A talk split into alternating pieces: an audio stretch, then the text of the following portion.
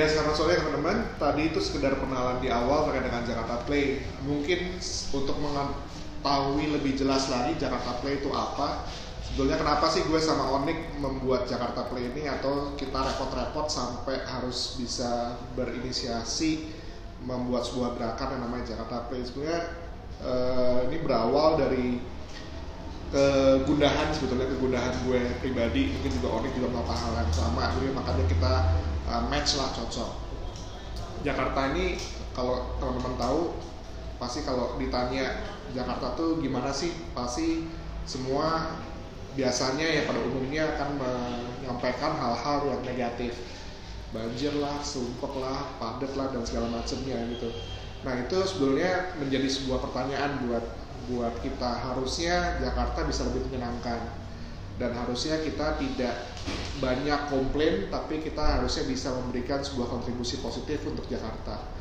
Nah itulah yang membuat gue sama Onik bisa menggunakan nama Play itu di mana kita ingin Jakarta tuh harusnya bisa lebih menyenangkan dan kita sebagai seorang desainer harusnya bisa menciptakan hal-hal tersebut. Jadi itulah uh, awalnya kita kenapa membuat Jakarta Play. Jadi ada dulu kita membuat kompetisi, kita membuat ada sebuah muntah-muntahan desain kurang lebih seperti itu ya Mik ya. Oh.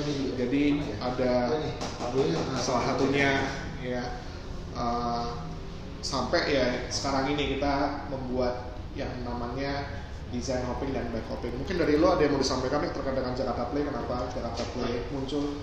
karena gini eh, ini terkait dengan proyek Jakarta Play karena pas ke di gudang dulu Speak up. oh kenceng ya? Iya. jadi waktu dulu di gudang itu Jakarta Play kita aktifin lagi. Karena buat gua sangat banyak eh, orang-orang kreatif eh, muda masih bersemangat. Tapi mereka kadang-kadang bingung mau ngapain gitu. Akhirnya di gudang kita aktifin lagi Jakarta Play yang awalnya kita membuat sebuah misi sesimpel ini. Eh, ya membuat orang memikirkan Jakarta dengan cara menyenangkan itu misalkan lu artis mural gitu. Gimana caranya ya mural gua nggak nyampah tapi keren nih buat Jakarta gitu. Apakah bisa dikonek mural itu menjadi eh, sign system gitu? Jadi kayak artis mural bekerjasama dengan Pemda untuk membuat sign system gitu. Selama ini kan cuma bikin dekoratif kan. Jadi sign system dibuat eh, dari mural.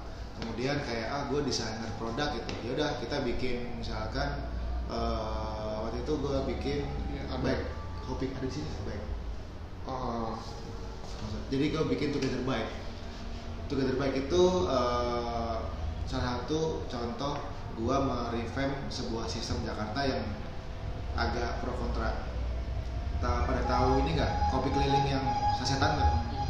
Nah itu tahun 2014 eh 2015 isu mereka akan dihapuskan oleh PP dan Berto akhirnya kita kita diskusi aja gitu. Ke mereka ngobrol untuk eh, survei. Penghasilan mereka berapa sebulan? Bisa sampai 6 juta. 6 juta sebulan. Kang Saset. Oh, itu gede daripada Iya. iya. Gitu. Terus eh, kemudian Berto survei kenapa sampai eh, kita ngeluarin together bike ya itu karena kebayang nggak kalau sebanyak seribu populasi seribu lebih dihapuskan itu akan chaos. Karena dengan penghasilan orang di atas UMR waktu itu ya UMR waktu itu cuma tiga setengah. Ya dia menghasilkan 6 juta boleh jualan sasetan keliling dari jam Ya, tengah malam tengah malam sampai pagi. ya mereka tertinggi macam 6 juta average-nya tiga setengah juta. Average ya. Menurut gua ya kalau dihapuskan chaos sih gitu. Dan ternyata ada bandarnya di Sentiong ya daerah Sentiong. Daerah Senen daerah Senen. Itu ada bandarnya ya kalau mereka datang tinggal ngambil sepeda keliling-keliling lapor kemudian reload lagi gitu. Nah kebayang kan dia udah invest gitu berarti akan jadi macam-macam lah. Akhirnya gue bikin lah project uh, Together Bike waktu itu. Gue membuat mereka terlihat lebih secara fungsi lebih bagus. Uh, Nggak ada sih sorry. Oh, belum uh, masuk. apa namanya uh, lebih bagus. Kemudian gue benerin sistemnya gue benerin uh, fungsinya sama gue benerin uh, cara uh, fundingnya. Dan alhamdulillah itu sampai kita dipanggil balai kota yang mana Ahok dulu nah pas kita udah nyerahin semua gambar kerja kemudian sistem semuanya terus Ahok masuk. Jadi udah semuanya keluar tapi itu menurut gua ketika gua dipanggil sama balik kota itu bonus lah gitu. Itu bonus gitu. Tapi eh, nah ini bentuk sepedanya nih. Ini prototype jadi kayak gua nentuin sepeda pakai apa pakai Tokyo Bike eh atau apa ke London. London Bike. Kemudian eh, ininya tuh kita pakai kanvas untuk tagnya kan mereka pakai tagnya pakai eh, jeligen yang diisi itu kan. Nah akhirnya kita bikin eh, golfing gitu. Jadi dia tuh eh, atas depannya buat botol sirup. Eh, kemudian di dalam sini tuh udah ada gua menggunakan pouring system kan yang manualan gitu. Karena kan kita ada listrik ada apa di situ manualan. Kemudian gua bikin sistemnya adalah ketika orang keluar dari MRT karena ini gua sarankan untuk orang yang kantoran datang eh, untuk mendapatkan kopi enak gitu. Waktu itu eh, kopi industries lagi naik banget dan gua ngobrol beberapa kopi artisan mereka bilang mau support. Kayak mereka nyupport satu coffee shop 5 kilo gitu. Dan itu akan ada misalkan satu station sepeda akan disponsori oleh eh, apa namanya beberapa brand gitu. Coffee shop terus apa brand distro. Jadi abang-abangan itu keren gitu. Jadi dikasih dari distro. Nah gue bikin skematiknya tuh dari Jakarta untuk Jakarta kemudian kembali ke Jakarta. Jadi kayak dari orangnya dari kotanya semuanya itu eh, terlibat. Itu udah menarik cuma ada emang dulu pas kita mau deploy satu kendala. Eh permanesme tempat. Jadi ya agak ribet itu. Tapi itu kembali ke balai kota sih ya. Itu urusan lu. Kalau lu bisa kayak gitu better satu poin satu lagi poin yang menurut gua agak susah si ini dari balai kota bilang lu ada orangnya yang jalanin ini. Gitu. Jadi mereka tuh nggak mau ribet bikin divisi baru untuk mengelola ini gitu. Udah lu jalanin deh ntar gue biayain. Tapi waduh gitu. Gue pengen itu mereka memikirkan ya tanggung jawab mereka juga kan tanggung jawab negara gitu. Tapi ya itu jadi banyak insight lah. Ini baik to better by nah kembali lagi kemarin gue ke Singapura Alberto ya. Ke Singapura eh, salah satu project pertama desain hopping kita tuh ke Singapore Design Week yaitu kita ngeliatin beberapa desain. Menurut gue keren-keren. Yang nggak tahu kenapa kenapa di Jakarta nggak pernah ada event kayak gitu yang proper ya. Selama ini kan kita bikin sendiri sendiri yang ya dari kita juga gitu kalau dari Singapura top down eh top down. Top, top. top down. Top down itu dari pemerintah yang support full gitu. Dan setiap tahun tuh ada. Dan selalu di kalau di sini kan kita dari kita sendiri udah mulai gede pemerintah baru mau support. Kayak Bekraf baru mau support lah udah kelihatan nih. Kurang support gitu kan. Nah kita dari apa namanya dari bawah ke atas. Kalau dari Singapura kan atas ke bawah. Nah gitu. Nah, sebelum Onik mungkin nanti jelasin mengenai Singapura dan perjalanan kita di Singapura Design Week tadi, mungkin kita juga tadi mungkin sempat nunjukin bahwa ada Jakarta Play 2019. Kemarin juga salah satu kendala kita, kita evaluasi Jakarta Play ini mau seperti apa. Rasanya eh, kita perlu lebih slow down, slow down itu dalam artian lebih fokus ke dalam satu aspek di mana kita pengen tahun ini sebetulnya kita lebih lebih dalam tanda kutip mungkin santai fokusnya adalah ke apa yang kita sedang kerjakan pada saat ini kebetulan Onik dengan seketika bersama Nona dan juga gue kebetulan juga sebagai seorang arsitek eh, punya produk dan punya mainannya masing-masing. Nah dari situ kita mencoba mendevelop apa sih yang bisa kita coba eh, lakukan uh, untuk bisa setidaknya bisa memberikan kontribusi positif terhadap lingkungan.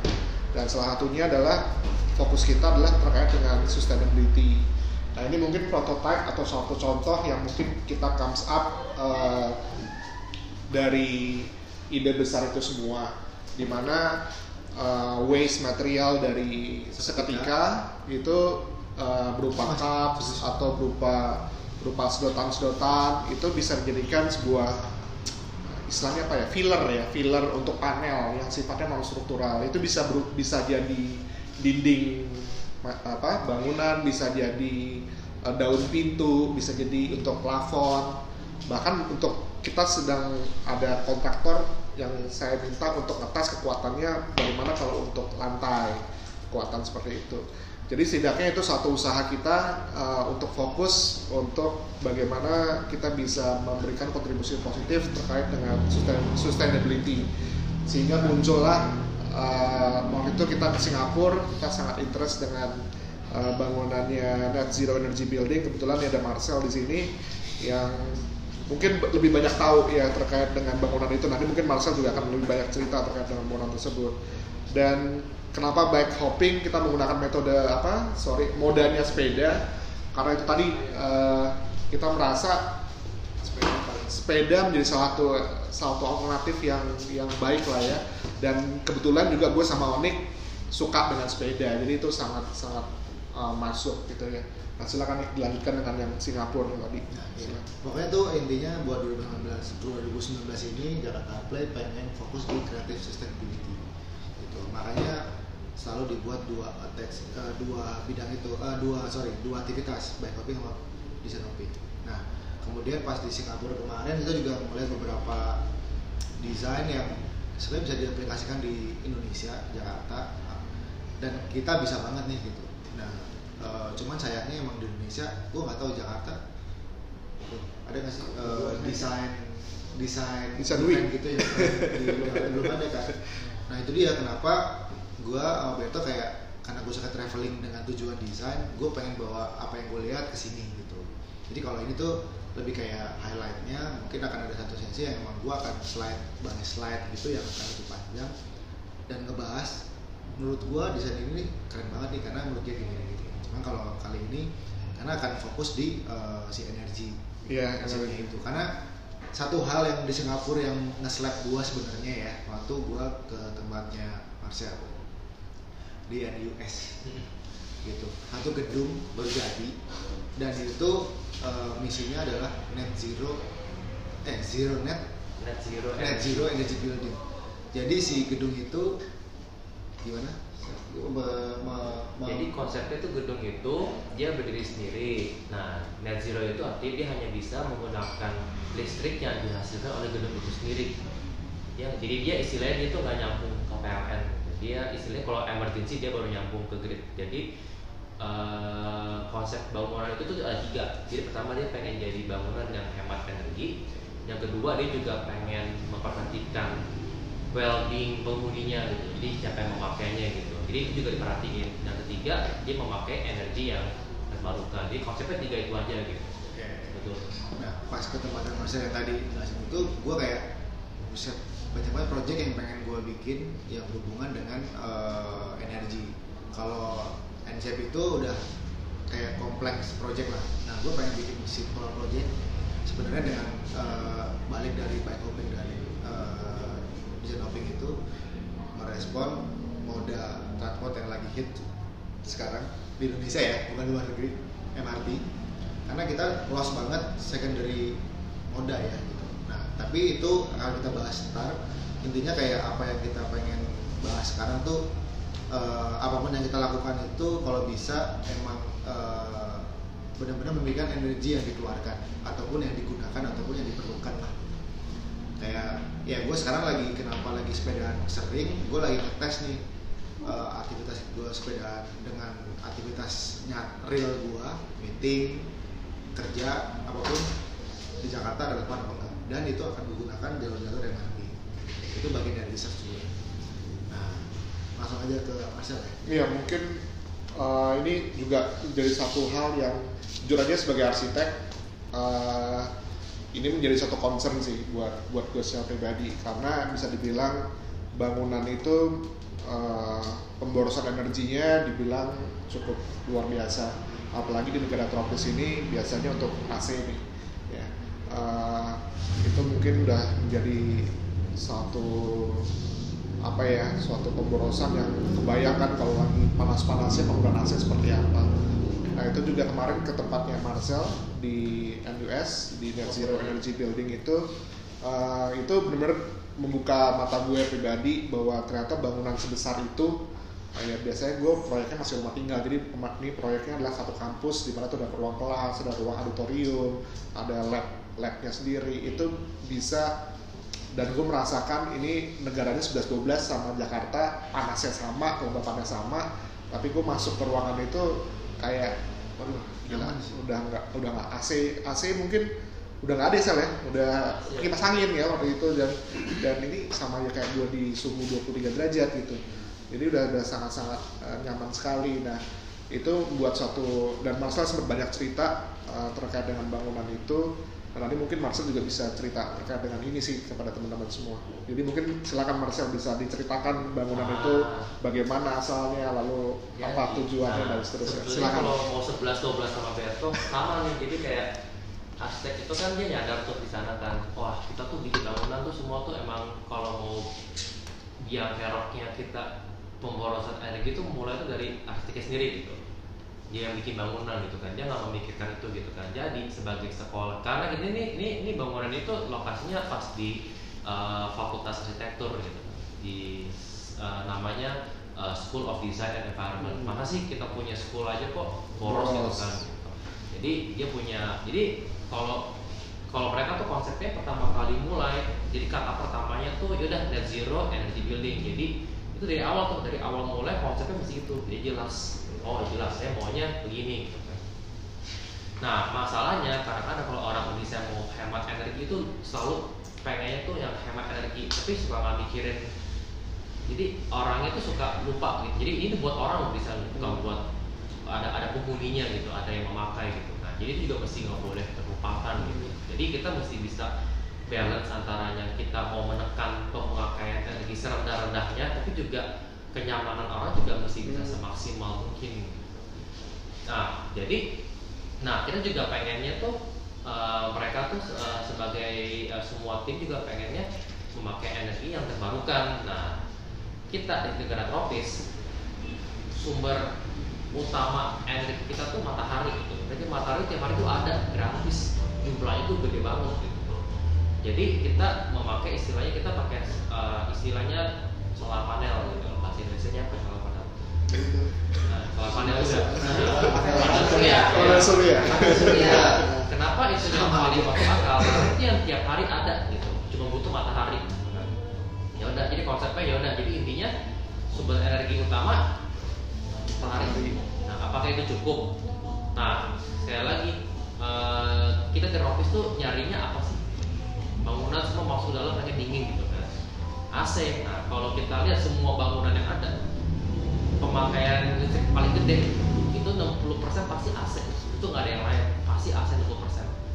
Mau lampu gitu. Jadi isinya kalau pasang lampu atau pasang TV setiap hari nyalain itu tuh nggak ada sebanding sama pemakaian AC. AC tuh paling utama gitu.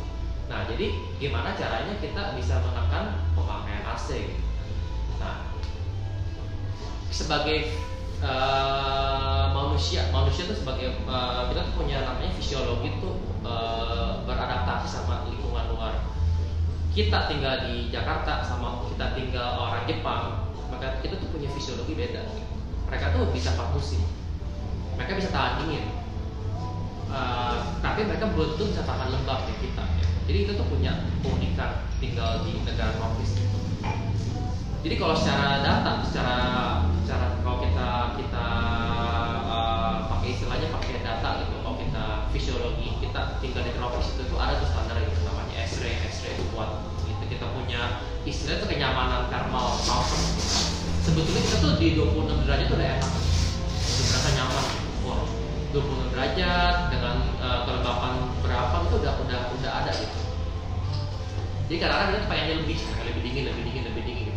Nah sebetulnya kita mau mencapai standar itu tuh berapa sih kenyamanan kita. Jadi sebelum mereka mendesain semua ini, ya kita testing gitu, testing testing di satu ruangan gitu. Jadi ada orang kita kita jadi waktu itu, itu testingnya di sekolah, kita testing di sekolah gitu. Jadi kita mau memakai namanya istilahnya hybrid. Jadi AC digabung sama kipas. Gitu. Jadi supaya tujuannya adalah masalahnya kadang-kadang kalau AC itu kalau kadang-kadang kadang tuh yang AC terlalu dingin. Kenapa? Karena draft. Nah itu bisa bikin sakit kepala, sakit badan, kayak orang kerok, maksudnya dikerokin kan itu karena masuk angin gitu. Karena draftnya tuh kenceng. Jadi gimana caranya supaya dapat tuh kenyamanan thermalnya tuh pas gitu. Itu tuh itu nggak bisa pakai teknologi, itu mesti pakai orang survei. Jadi 100 orang, 200 orang tuh di tiap hari coba jadi kita kita data semua orang masuk di ruangan setengah jam 10 menit pertama begini kondisinya. 10 menit kedua begini kondisinya. 10 menit terakhir berapa sih yang kamu mau? Gitu kan. yang enak tuh berapa gitu? Atau sendiri deh. Kumpulin tuh semua orang kita ketemu tuh. Berapa sih yang yang, yang mau dicari itu berapa gitu. Temperatur berapa gitu kan. Nah jadi sekarang akhirnya dicoba deh di sekolah di sekolah terdekat gitu kan. Setelah sebulan seberapa lama diminta feedbacknya. Sadar nggak sih kalau kita tuh lagi mencoba ini gitu kan? Enak nggak sih gitu kan udah coba? Nah udah. Mulailah pemilihan AC-nya gitu kan. Pemilihan AC-nya yang paling hemat tuh yang mana gitu. Kedua kita juga beli kipas. Kipas mana sih yang paling efisien gitu kan. Jadi kipas itu tuh eh, mereka tuh sampai benar-benar hitung berapa pemakaian itu sampai ke kipas itu tuh bandingin berapa model kipas. Misalkan kita mau kipasnya segini enaknya speednya. Tapi dia bakal listriknya berapa? Nah kita bandingin lagi kipas model lain gitu kipas model lain juga dengan kecepatan angin segini nih yang enak dia menghasil listrik berapa sih gitu. nah kita kali tuh berapa banyak kipas yang kita pakai pakai pakai tuh kipas model kayak gitu gitu yang terus di ruangan itu Nah, jadi akhirnya dengan semua itu tuh, tuh baru kenyamanan thermal gitu kan. Belum bangunannya gitu. Bangunannya tuh yang um, sebetulnya kita tuh di tropis tuh musuh utama bukan musuh ya kayak yang perlu kita perhatikan tuh matahari sama hujan tropis karena kita sepanjang tahun di Indonesia tuh cuma masalah hujan sama panas gitu. udah nggak ada yang lain kita nggak ada salju nggak ada opan nggak ada apa gitu di Jakarta terutama gitu. Jadi gimana kita tuh bisa istilahnya kita tuh bisa bersahabat sama matahari kita tuh pengennya tuh em, coba deh kalau yang suka kerja apa kita kita kerja kita belajar gitu kan. Sebetulnya kalau ada cahaya alami gitu kan matahari tuh jauh lebih lebih comfortable dibandingin dengan lampu. Kita di ruangan tuh tutup lampu gitu kan. Tapi kita nggak suka panasnya gitu panas itu enak. Jadi kita tuh memaksimalkan mataharinya tapi kita meminimalkan panasnya. Jadi itulah kenapa desainnya tuh sedemikian rupa dibikin begini kira-kira begitulah garis besarnya gitu kan. Jadi eh, kita tuh eh, jadi mereka tuh konsultannya tuh mendesain supaya gimana ini contoh ini, ini di ruangan ini tanpa tanpa lampu sama sekali gitu. Ini semua dengan cahaya matahari AC juga temperatur 27 kayak kalau kemarin mereka jadi temperatur yang di termos itu 27 gitu. Itu kayak jarang banget ya. Office ini tuh 27, angka itu kayak angka yang kayak nggak mungkin banget gitu. oh iya. Kayak 20, 23 gitu cat gitu kan jadi eh, ini juga buat supaya ini semua suasana kelas seperti ini gitu kan. Jadi eh, semua dibuka. Jadi semua supaya ya supaya suasananya juga emang mendukung kegiatannya. Ya kira garis besarnya begitulah tapi gua masuk ke ruangan ini nih, kalau mungkin kalau studi kayak gini gua lulusnya lama. Nah, jadi beneran gua masuk ke sini ya. Ini ada kabel-kabel nih. Tengah hitam-hitam itu? Kayak emang di sini begitu ya. Hmm. jadi cuman kabel master nih gantungin gua mau jadi sini jadi kabel master gua colokan colokan buat banyak jadi setiap Jadi, PJ itu tuh ada ada power plug-nya gitu. Gila Karena sih. mereka tahu nih anak akhir itu emang nggak bisa dibilangin. pindah-pindah Hari ini meja. gereja pindah begini, besok tuh berubah lagi. Ke mana-mana. Nanti ya minggu depan saya mau bikin acara kritik. Semua dikumpulin Iya. semua berubah lagi. Karena mereka juga tahu gitu. Cuma kita bikin semuanya fleksibel, yang yang yang mati tuh nggak nggak nggak nggak bakal udah udah udah nggak bisa ya kayak gitu. Ini keren nih. Gue masuk sini secara udara ya. Ini kan dingin ya. Ya agak naik dari sini ya. Itu dua, kalau di meter-meter lu kan dua, dua enam dua tujuh. Itu lu enak gak yang kayak kayak AC sekarang nih kadang lu kena siwir-siwir gitu ya. Ternyata siwir-siwir itu ya eh, nggak ganggu ya. Ganggu sama bisa kalau nggak tahan tuh masuk angin. Angin. Gitu. Jadi gue baru tahu banget di sono tuh kayak gila studio kayak gini mah enak banget gitu. Bener enak banget. Cahayanya oke gitu. Kemudian akses buat eh, listrik, cuma nggak tahu nih listrik ini eh, penggunaan mereka laptop udah dihitung? Udah udah udah. Kita udah itu. laptop semua gitu. Dan eh, gedung yang menurut gue canggih ya gitu. Tapi eh, masih manusiawi lo boleh pindah meja nggak steril tau gak ya? Ini ini beneran bulan anjir. Enak banget sih di sini gitu. Dulu studio gue semua meja urutan gitu. Nyolokannya nggak ada tarik kabel sendiri. Pakai kipas yang gini, nanti kipas yang pas lagi bareng kita, pas terbang semua, Nah. lagi, lagi. Jadi kita tuh, di- jadi, jadi mereka tuh sebelum sini mereka juga ada pakai komputer simulasi gitu simulasi gitu. Jadi mereka itu kalau supaya kecepatan anginnya tuh di beberapa tempat tuh seragam. Jadi aman. Jadi nggak nggak apa yang berapa menit sekali kita kena angin kena angin jadi merata gitu. Itu keren banget sih. Dan eh, pas gue pulang dari sini saya nih. AC ternyata satu hal yang musuh gue paling gede. Kalau gue nggak tidur di bawah AC pasti di bawah bangun teriak. Ternyata emang eh, suhunya gitu nggak nggak sesuai dengan manusia ya sebenarnya.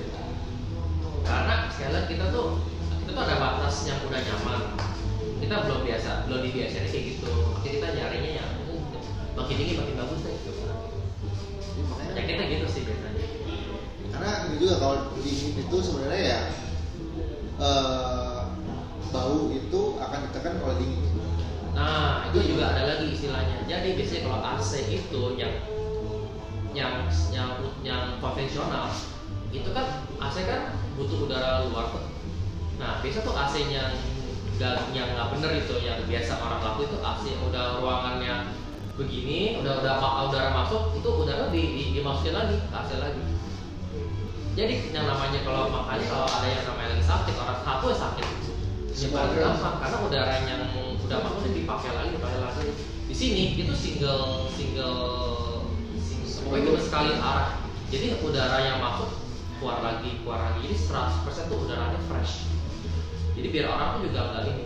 Karena kenapa alasannya begitu? Karena dia selalu dia mau masukin selalu oksigen oksigen terus. Kenapa kalau udara sirkulasi itu lagi bahaya? Itu CO itu karbon dioksida semua itu CO2 eh, karbon dioksida semua CO2 semua.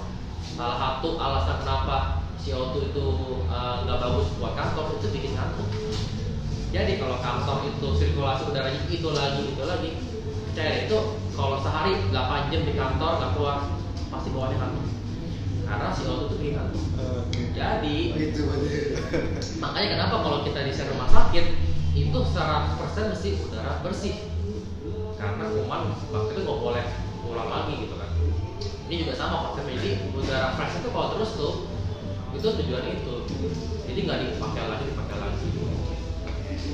Itu yang keren sih gue juga kayak eh, dari pola pikir pembuatan gedung kalau gue sekarang lagi mencoba untuk kreatif kreatif sini tapi eh, energi eh, wise lah gitu. Ya sama Generik, generik. apa? Generik generik jadi kayak kalau bisa apa ya gue pengen mencoba wah gue pengen desain ini gitu. Oke deh berarti modal gue apa ya? Gitu. Motor. Makanya gue nyobain sepeda ini nih. Ini sepeda setengah listrik setengah eh, manual. Gitu kalau itu manual banget. Dan gue lagi coba dua-duanya. Ya gue udah nyobain ini selama dua bulan. Kendalanya adalah ketika gue untuk olahraga gak cocok. Karena emang ternyata ini buat komuting yang speed rendah 18 20 itu enak. Karena dia dibantu oleh eh, motor. Tapi bukan motor kayak Migo yang yang lu gas jalan. Dia harus genjot.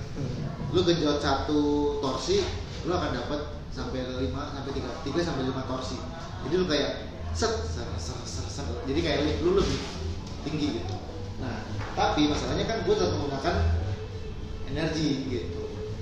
Kemudian gue mencoba ya eh, manual gitu. Manual yang konvensional banget atau manual yang lebih canggih sepedanya ya itu beda juga. Ketika lo canggih invest lo tinggi tapi kenyamanan lo berkendara jauh banget. Kayak sepeda mungkin ada yang apa beli mahal-mahal? gitu ada sepeda yang dari jutaan gitu. Ya itu kembali lagi sih.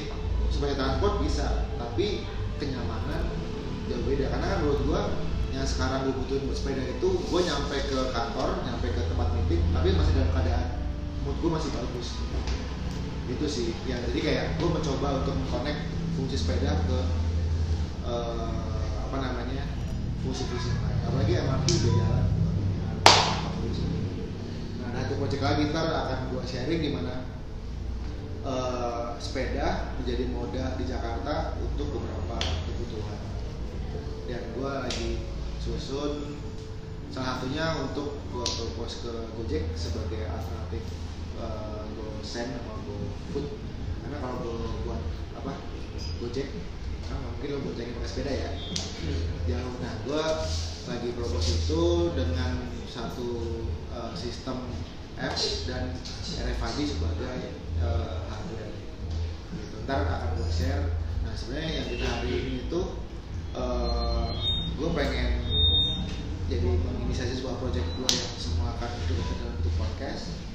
Dan setiap detailnya akan kita buat satu satu satu satu nah kali ini tuh ya kebetulan kalau Marcel juga bolak balik Jakarta Singapura ya.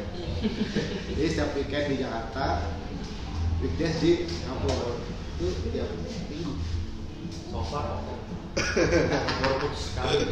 Baru putus sekali. Baru putus berapa kali lah pokoknya. Tapi tiap hari gitu.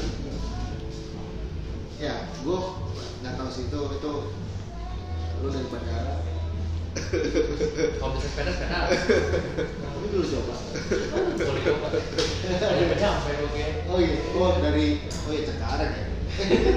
Lu dari sekarang shooter oh udah ada ada ada kereta ada kereta. Belum nyambung saya. Belum nyambung ya? nyambung. Nah Iya, iya. gitu sih. Gimana tuh?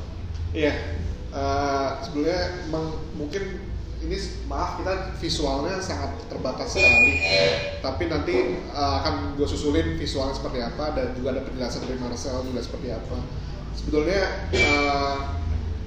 gue pengen juga teman-teman terlibat mau bertanya lah, mungkin silakan aja, tapi mungkin terkait dengan bangunan ini dulu karena kali ya mungkin eh, ada yang mau ditanyain tapi mungkin yang mau gue tanya supaya pembuka lah supaya bisa punya gambaran pertanyaan. Yang menarik dari sini ini AC-nya jelas bukan AC split kayak gini gitu ya. Jadi yang gue lihat Marcel waktu itu menyampaikan dia menyedot udara fresh air dari dari luar. Itu gue gue cari-cari di mana gue masih masih waktu itu ketemu di lorong. Ada satu itu dia dia nyedot gitu ya. Dan mungkin bisa diceritain nggak sistem gimana sih pengudaraannya di sini? Sehingga tadi bisa dapat 27 yang nyaman itu seperti apa gitu. Sebetulnya kalau udah bangunan skala gede itu tuh udah nggak bisa pakai sistem split. Karena split itu tuh sifat individual. Manusia kalau dikasih kebebasan individual rusak semua. Semua udah tiga dua puluh udah nggak ada gitu.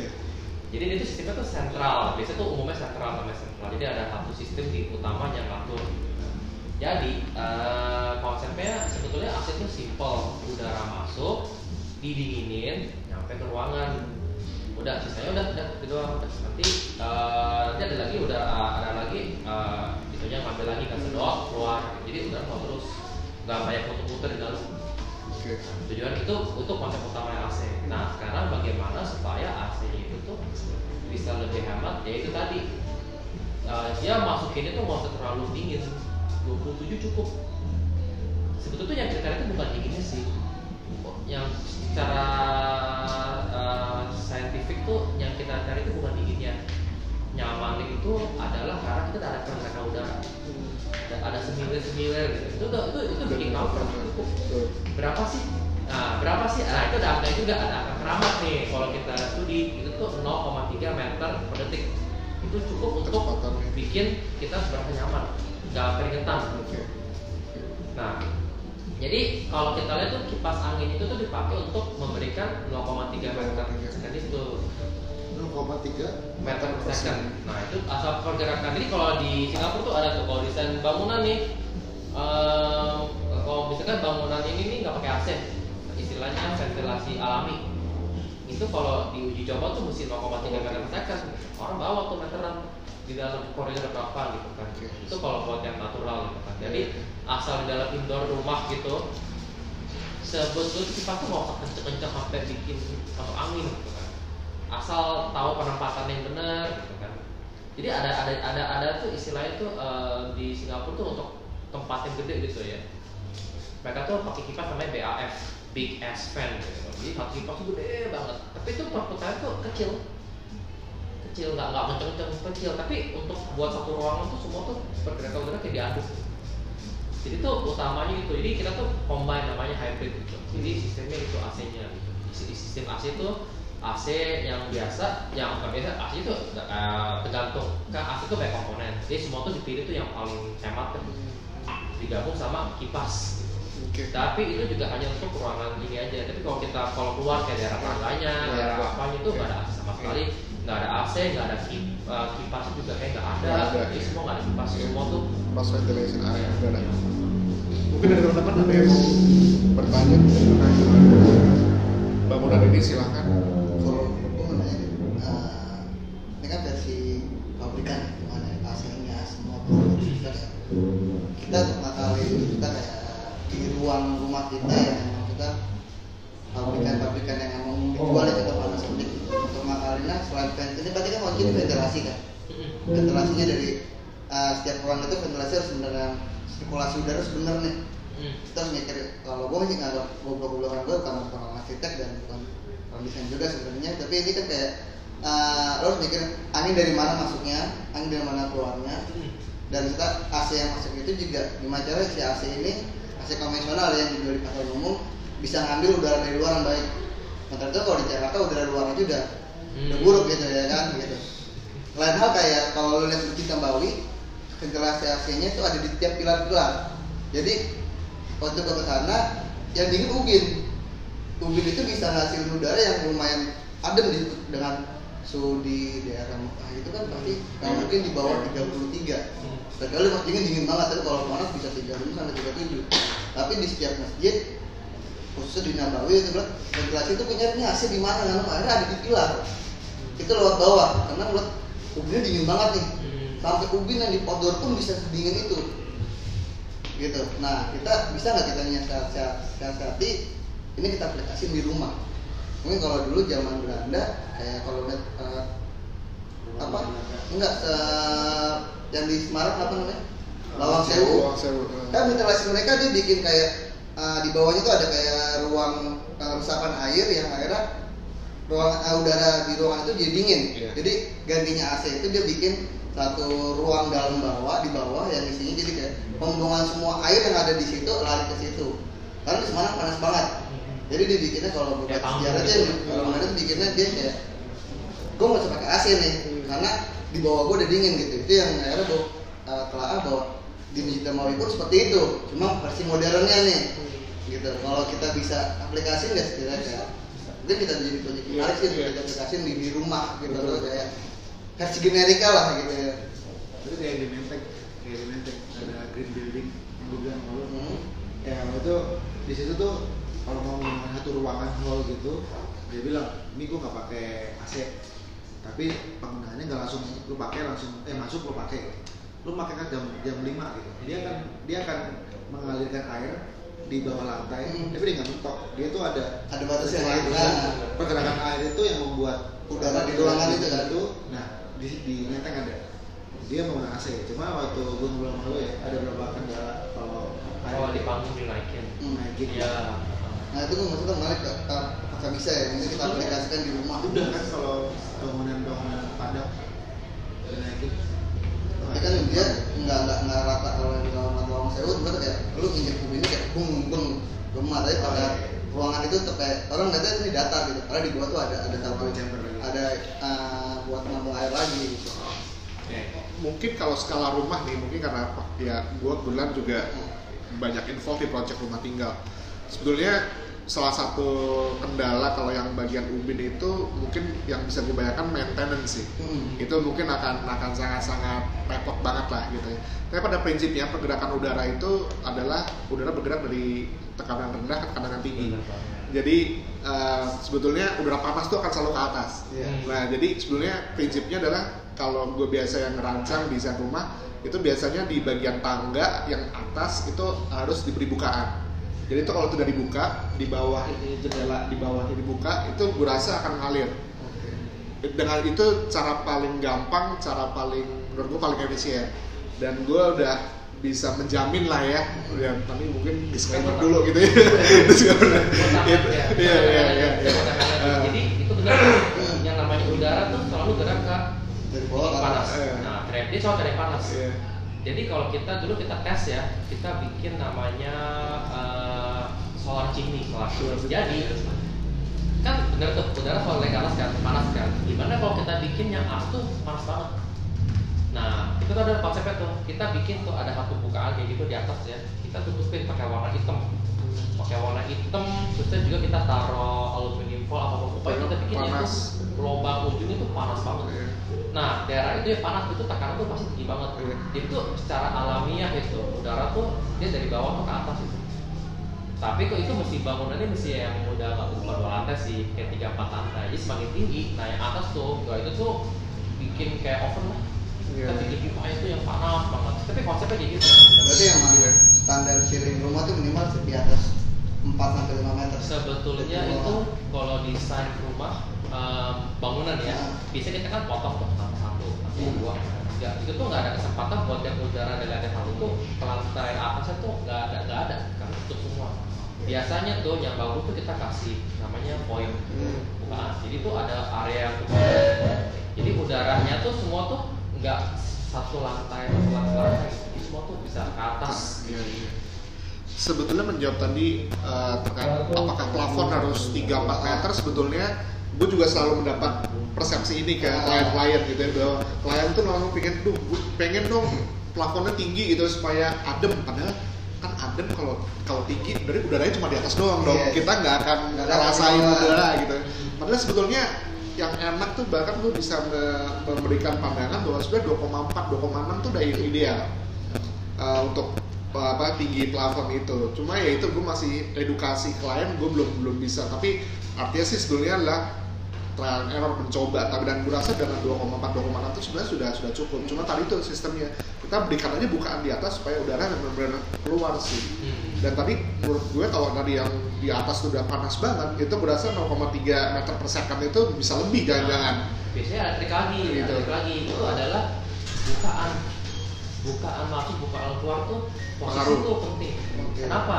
Ehm, kenapa yang namanya kalau yang pipa nggak pipa speedless warna merah di foto belakang itu kan Iya, iya. pipa kecil banget. Pipa kecil ya kenapa kecil? Pas tekanannya besar.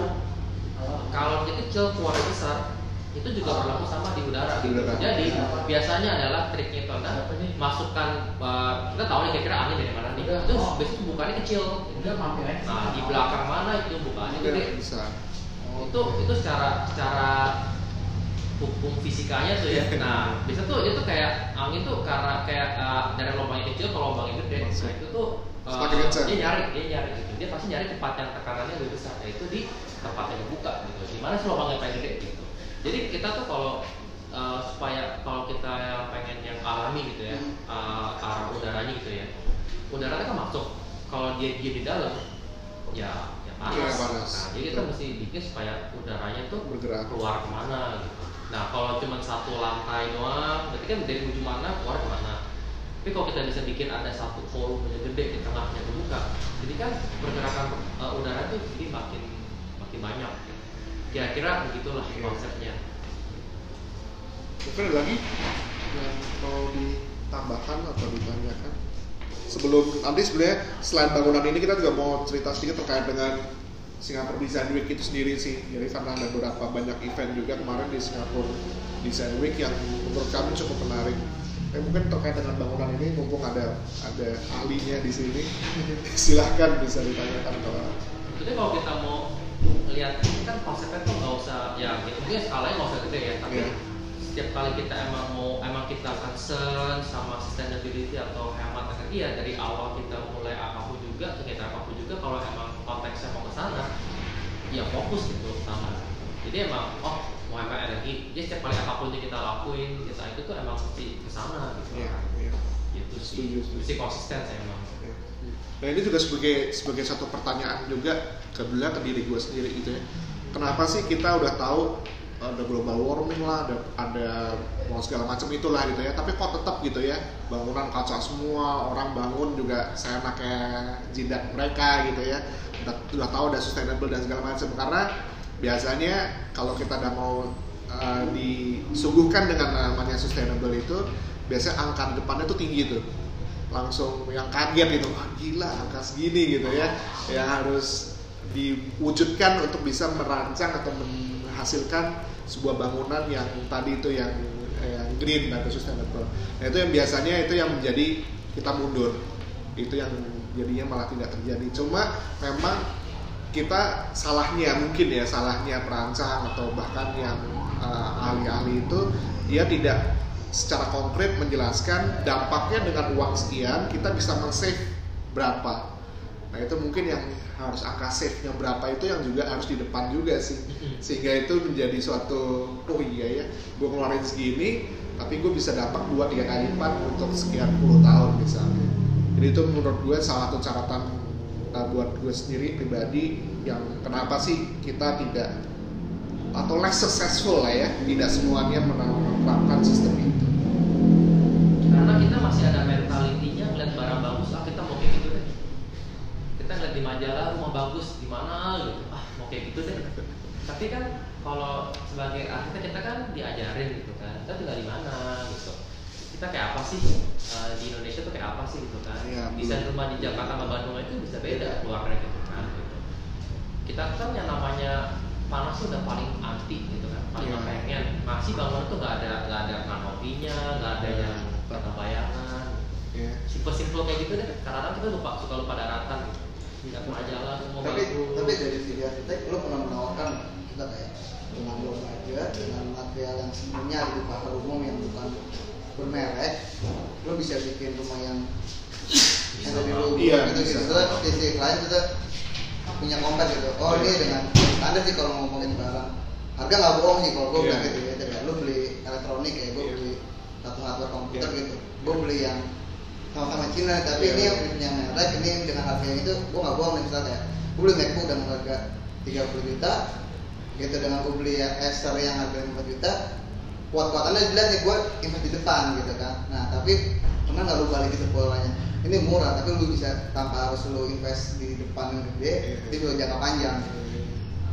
Eh, di satu sisi memang kita dia karena nggak karena belum belum klien tuh belum belum terbuka ke aspek ke sananya sih gitu ya. Jadi cuma tapi pelan-pelan gue secara pribadi gitu ya mencoba me- me- menekankan ini bahwa eh, rumah itu harus bisa bernafas. Kalau lu mati lampu dia paling nggak survive gitu Iya. ya. Eh, terang dan tetap bisa jalan. Itu paling nggak minimal itu yang yang gue yang gue coba terapkan gitu ya dari segi material dan segala macam biasa kita orang Indonesia tuh gini loh. Nah itu tuh tuh itu tuh gue gue udah kalau udah kayak gitu jelasinnya susah kadang-kadang lain kayak contohnya ini gitu gue rasa klien-klien gue begitu tahu harga gitu ya dia pasti akan akan terpukau gitu ya. Tapi begitu dia gini duh ini kuat nggak? Gitu. Ini bakal kedap suara nggak? Gitu, gitu loh ya. Jadi emang harus ada willingness dari klien untuk untuk ini sih. Yaudah deh gue gue gue invest gue coba gitu tapi eh, yang namanya edukasi itu terus terus dihitung dan dan kadang-kadang untung-untungan gitu. Kalau dapat klien yang asik ya Iya. asik gitu. Tapi kalau pas lagi kliennya ah enggak deh gue nggak mau ya. Gue juga gue juga harus gimana gitu ya. Nah, itu sih kembali ya ujungnya ke sana. Mungkin persepsinya agak mesti dibelokin tuh yang namanya mau rumah sustainable atau hemat tuh nggak mesti mahal. Iya. nggak nggak mesti mahal. Iya. kita mesti eh, kalau kita ngerti gitu kan eh, contohnya kayak apa ya Eh, eh, karena kita kan kalau kita kan di di tempat kerja kita kan kita selalu jelasin dengan kalau kita bisa menjelaskan dengan sesimpel mungkin berarti kita nyampe gitu pesannya gitu kan iya iya Iya. benar-benar Kalau kalau kalau kita belajarnya uh, ya istilahnya kita belajar ya kayak hukum hukum fisika deh gitu Iya, kan iya. panas itu tuh bisa pindah tuh caranya gimana sih? Kalau inget zaman dulu gitu kan cuma konduksi, konveksi, Iya. radiasi gitu. Kalau udah tahu gitu aja gitu kan, ketika di rumah kan udah langsung udah tahu gitu mesti gimana. Jadi kadang-kadang tuh nggak mesti selalu dengan teknologi. iya Nah, yang salah itu kalau oh mesti pakai yang AC paling mahal, paling efisien atau pakai apa yang paling ini. Karena tuh itu itu itu bukan jawabannya gitu. Betul. Jadi dari awal tuh emang ketika arsitek itu em, tapi gue juga udah lama nggak ya. Tapi Iya. mungkin gini loh, jadi katanya kalau kasarnya ketika arsitek itu udah mendesain garis masa bangunan di kepala mereka itu udah ada gitu loh. Iya, iya. matahari- Dari awal, betul. Matahari begini, matahari begini, oh ini ini ini ini. Jadi itu udah di kepala udah ada gitu. Bukannya ketika udah jadi nih, baru oh deh, dites Iya. AC-nya pakai paling murah, Iya. nah deh ini kayak gini. gitu. betul Jadi kayak um, konsep yang mesti dijelasin tuh uh, kita tuh bikin rumah yang nyaman, tapi emang cocok, Iya. pas. Thank you Marcel. ya karena waktu juga nih, kita mungkin mempercepat terkait dengan Singapore Design Week. Mungkin teman-teman juga udah pernah ke Singapura dan segala macamnya. Singapura nih menurut gue salah satu kota yang yang paling dekat dengan kita tetangga kita dan yang paling selalu jadikan referensi menurut gue gitu ya duh kok Singapura bisa gini kenapa Jakarta enggak gitu lah paling paling gampangnya gitu ya uh, dengan dari Singapura Design Week ini sebetulnya juga menjadi suatu cerminan bahwa uh, kenapa Jakarta mungkin secara khusus event-event seperti ini sebetulnya kita pun juga ada Jakarta 32 derajat maupun juga ada kayak Iya, dari dua doi. Iya, iya, iya, itu dan uh, event-event lainnya tapi yang mungkin kemasannya tidak tidak semenarik ini gitu ya. Nah mungkin kita coba coba menceritakan kemarin ke Singapura Design Week ini sebenarnya juga dia itu gue juga gak yakin dari mana mulainya tapi dari dari pemerintah sih sepertinya. Dari Singapura, ada supporting namanya Singapore Art Council. Iya, Singapura sebenarnya Council, Singapura ada dua kan, Iya. pemerintah dan kerajaan karena tahu yang rascal itu memang dari pemerintah, tapi dari kerajaan langsung supportingnya. Nah itu ada ada dua tuh yang support tuh dia itu milih. Ada gedung baru tuh yang di Ah. tengah kota yang ada skateparknya. Hmm? Itu kemarin Rascal bikin satu gedung lantai satunya tuh disikat semua. Iya karena betul rascal tuh bukan dari supporting dari pemerintah, tapi dari kerajaan. Kayak cuma agak beda sih di Singapura. Iya. dia. Tapi intinya tuh kayak top down gitu yang kayak acara misalkan Sri Dilin dulu gitu. Itu pemerintah itu benar-benar kayak oke tahun depan eh, karena udah tahu awalnya emang dari bawah tahun berikutnya langsung oke lu oke, bikin baru mau gitu. naik. ya tapi di sini karena mereka setelah ini udah langsung tahu oh tahun depan jadi mau apa Oke, oke. Terus kita nggak Karena banget. setahun itu mereka langsung kayak udah race lagi buat panggil Iya. gimana ya walaupun ya sebenarnya kalau gue pribadi materi yang disajikan waktu kemarin desain week itu sedikit banget banget ketika komparasi gue ketika gue datang ke desain week London Itu beda ya. desain week London itu gila sih kurasinya gila udah gitu eh, quantity yang dipamerkan tuh gue sampai ke impor dia satu daerah satu kemudian banyak banget ya karena Singapura pun untuk art itu juga belum lama loh yang melek jadi masih dipandang sebelah mata lah art itu masih dipandang kayak oke ya. kasarnya kayak ya.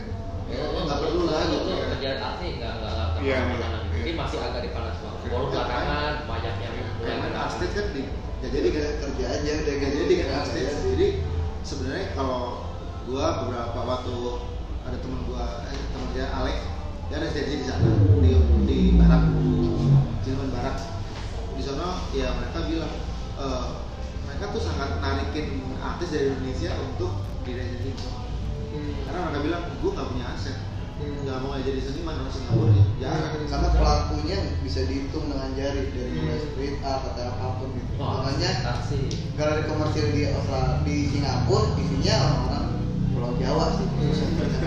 oke Gua belum orang Jawa ya, tapi di Pulau Jawa gitu. Bukan isinya orang Jogja. Iya, Gitu. iya. Orang Jakarta sih emang.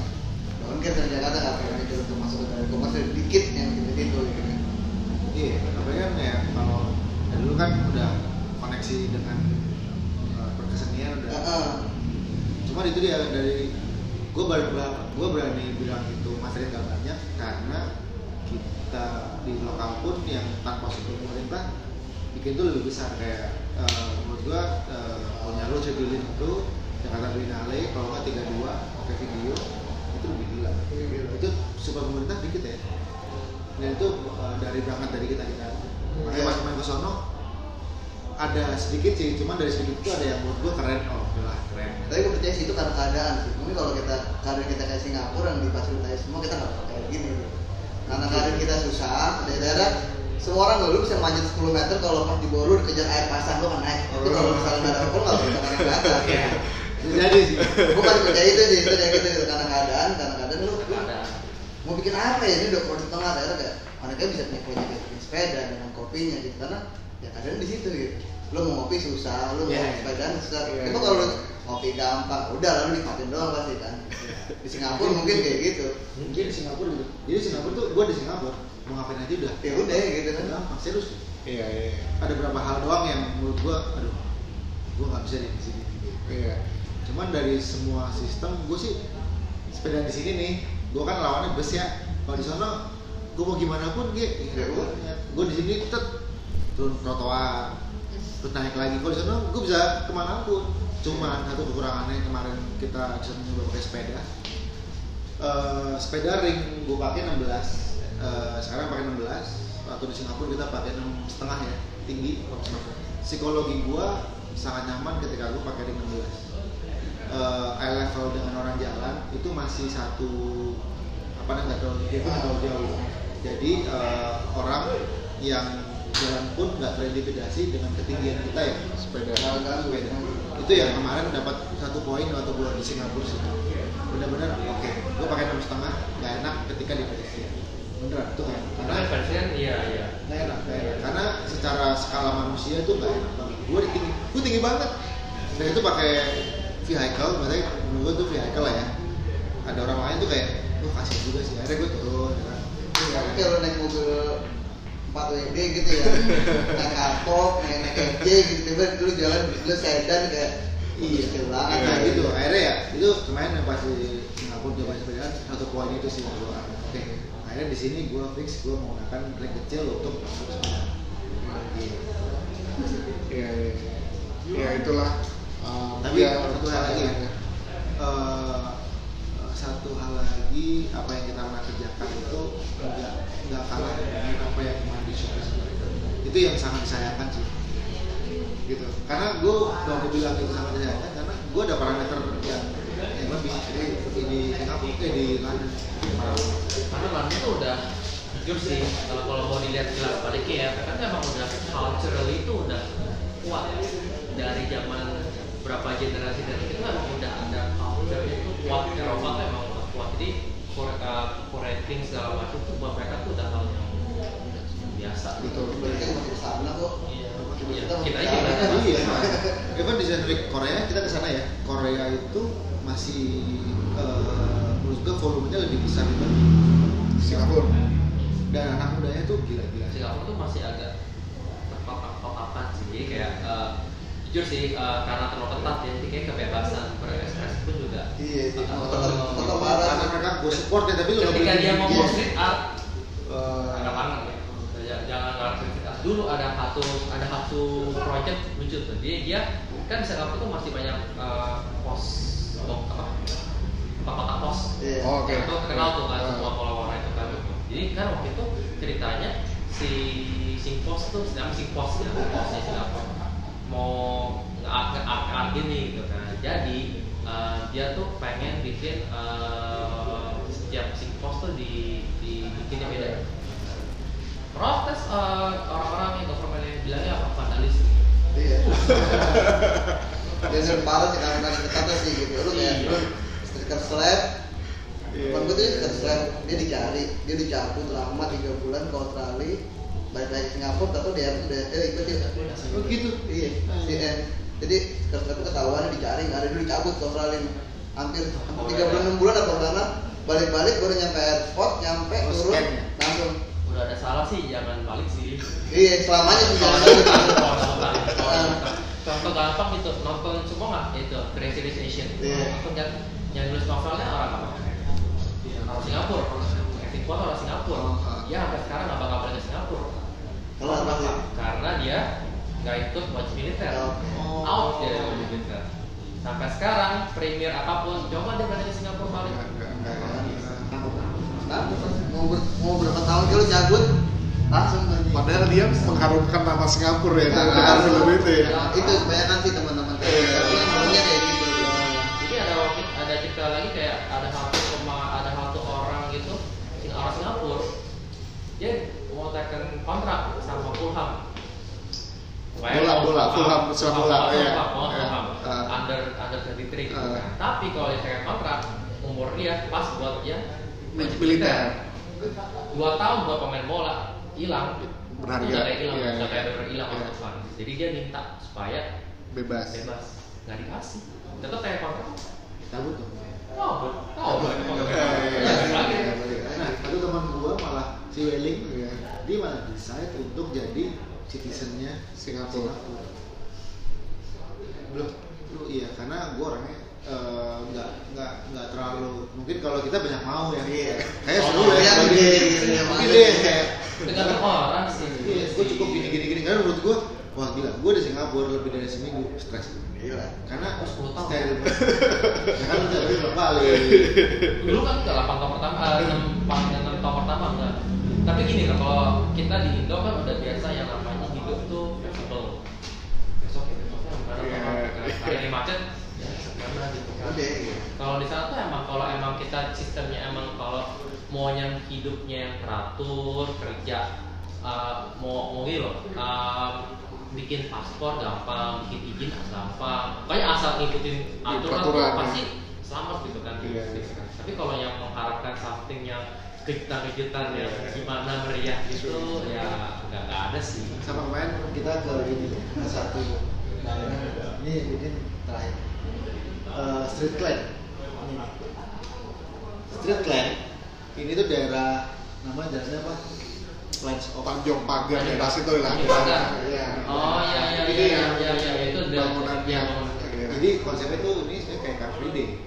ya Car Free Day. Cuman kalau gue ngobrol sama orang Singaporeannya eh yang pernah tahu eh, Car Free Day Indonesia, iya Indonesia kok seru banget ya Car Free Day. Semua orang mau turun ke jalan untuk emang menikmati Car Free Day. Di sini udah segini aja, karena ternyata diatur semuanya. lu Car Free Day boleh tapi harus gini gini gini gini. Moodnya harus nggak boleh organik harus disiapin gini harus gini. Itu yang dari Singapura sendiri. Ya Car Free Day. Wah tuh Indonesia. Wah gila seru banget. Bisa bisa beli makanan Ya, ada kayak- pertunjukan spontanitasnya tuh kayak mau mau spontan juga udah udah ada ini ini ini Iya, iya, iya. itu udah dijabarin Itu. udah, udah dijabarin dulu gitu. Mungkin kenapa desainnya juga semuanya tuh nggak ada yang sangat-sangat kaku ya jadi jadi kaku. Tapi canggih. Canggih. Menurut gua ya ini canggih tuh dalam artian ini nih ya dia bisa bikin wall panel organik gitu panel pakai kain gitu gitulah walaupun ini benar-benar gue lihat di London eh, materialnya lebih murah gitu Nah, iya, benar. Karena keterbatasan inilah juga industri kayak arsitek ini yang gue tahu ya, itu mungkin profesi yang cukup artinya di, dilihat lah di Singapura. Woha contohnya dia emang well known tapi dari dari keterbatasan itu kreativitasnya mungkin jadi gila gitu ya dalam tanda kutip gitu ya. Ya, itu juga ya benar sih tergantung orang juga jadi ya ujung-ujungnya. keterbatasan itu Iya. di Singapura sebagai arsitek tell you Ya, Oke. Uh, unless you are like architect gitu ya, Eh, yang kayak Moha gitu iya. kan gitu. Nih, ke mereka tuh ya uh, ada satu handbook guideline desain gitu kan gitu. Ada tuh bukaan jendela semeter, ini semeter, ini pembuat derajat gitu kayak gitu mau beli langgar. ikut. Oh jadi, Jadi sebelum, template ya. sebelum, sebelum bangunan jadi tuh udah Udah jadi gitu, ya? gitu. Nah, dulu tuh ada ceritanya ada satu arsitek terkenal namanya si Zaha Hadid bikin master plan. Apa lu Zaha Hadid nah mahal lah. Jadi tuh bikin tuh kayak kayak kayak kayak kue itu dipotong-potong gitu kan gitu. Semua lancip lancip lancip lancip gitu kan. Gitu itu master plan. Itu cuma kayak konseptual. Biasanya itu ada lokal arsitek yang bikin In charge, ya. Dari konseptual kalau ke arsitek yang jadi itu Beda. jauh banget bedanya. Ketika udah dilokalkan gitu ya. Iya, iya, iya. udah nggak dianggap lagi sama si Sahari nggak ada that's not my thing gitu. Maksudnya nggak ada istilah kalah deh kayak di Iya, sini iya. itu itu yang yang gue alami kemarin ke Singapura. Sebelum kita Korea. Korea lebih lus ya. Lebih loose. anak mudanya gokil sih. Satu booth gitu di Sandvik mereka bilang wah ini dijual nggak? Enggak ini prototype gue lagi nyari founder jadi yang mau ngemasalin produk gua. Tapi mereka eh, startup tapi mereka kayak studio kayak gua gitu. Mereka showcase gitu. Buat produk. mau produk siapa yang mau ngemasalin. Gitu. Tapi banyak Banyak. yang- itu yang pas gua komparasi dengan Singapura gitu. Oh jauh banget sih. Menurut gua satu negara yang hampir sama lah gitu. Maju. Iya, Korea, Jepang tuh masih embrace creativity, art gitu. Masih ada ruangan buat mereka untuk berekspresi gitu kan. main-mainnya ada ya? Kita aturannya kan di Singapura ngumpul lima orang nggak boleh. oh iya? Iya, ngumpul lima orang seorang kayak dianggap untung kita kemarin kayak- ini kayak- gue gak tau kayak- gue kemarin sepedaan gitu ngumpul di tengah lapangan Oke, lima orang. Oke. eh tiga empat. Cek nggak di kampus itu? Di kampusnya itu nggak pernah ada satu ruangan terbuka selain lapangan itu bola. di Rascal jam 10 jam 11 tutup kunci Iya di dalam dalam iya. dalam. Lu udah di luar ya tunggu di luar sampai pagi tunggu kalau yang nginep nginep di jalan jadi itu anak-anak Kan kita di jadi kalau udah masuk jam 10 dari kunci nggak bisa keluar juga udah. Mau beli apa juga nggak bisa udah keluar malam apa nggak istilah kita keluar atau nggak bisa makanya Iya, iya, iya. Jadi emang emang ya emang beda sih cara ini. Pemerintahnya emang belum bukan belum emang beda. Emang beda aja. Menarik sih ya. Menurut gua eh, itu yang gua dapetin secara karya gua berani bilang kita nggak kalah sama yang lihat eh, karya kita. Kedua iya apa namanya yang kita bikin di sini tuh lebih masif ternyata. Betul kita beruntung lah di Indonesia. Iya. itu orang-orang gue bener gue maksudnya anjir gue sebagai seniman kayak tapi sebagai seniman sih gue kayak gue nggak bisa ngapa-ngapain. Kayak bayang sono aja gue mulai dari mana ya gitu. Ya itu yang gue dapat ketika kemarin back hopping sih. Secara desain ya eh, oke tapi aman nggak nggak ada yang bikin gue wah ini keren banget nih gitu. nggak ada. Eh, tapi yang satu hal yang gue belajar di sana adalah ketika pemerintah berperan serta eh, besar itu doang sih yang dirasakan oh kayak ini ya gitu. Walaupun sayang banget pemerintah udah gede tapi segitu doang Iya, iya. gitu sih. Ya Iya, itu iya. yang bisa gue sih. Ya terima kasih rasanya untuk hari ini terkait dengan Jakarta Play Singapura. Itu diskusi yang bisa kita share nanti mungkin lain waktu kesempatan kita juga bisa share juga kebetulan yang Hong Kong kita juga kemarin baru saja dari sana. Oh lebih menarik. Ntar gue share deh itu ada ada di ntar Nah, Hong Kong kita itu itu ada ada namanya Typhoon atau area Typhoon baru. Ntar gue share. Eh, ada Hong kita bikin kecil lagi ya, kayak gini. Seperti itu. Eh, itu ada kaos. Dan gimana kaos mempengaruhi Hong Kong?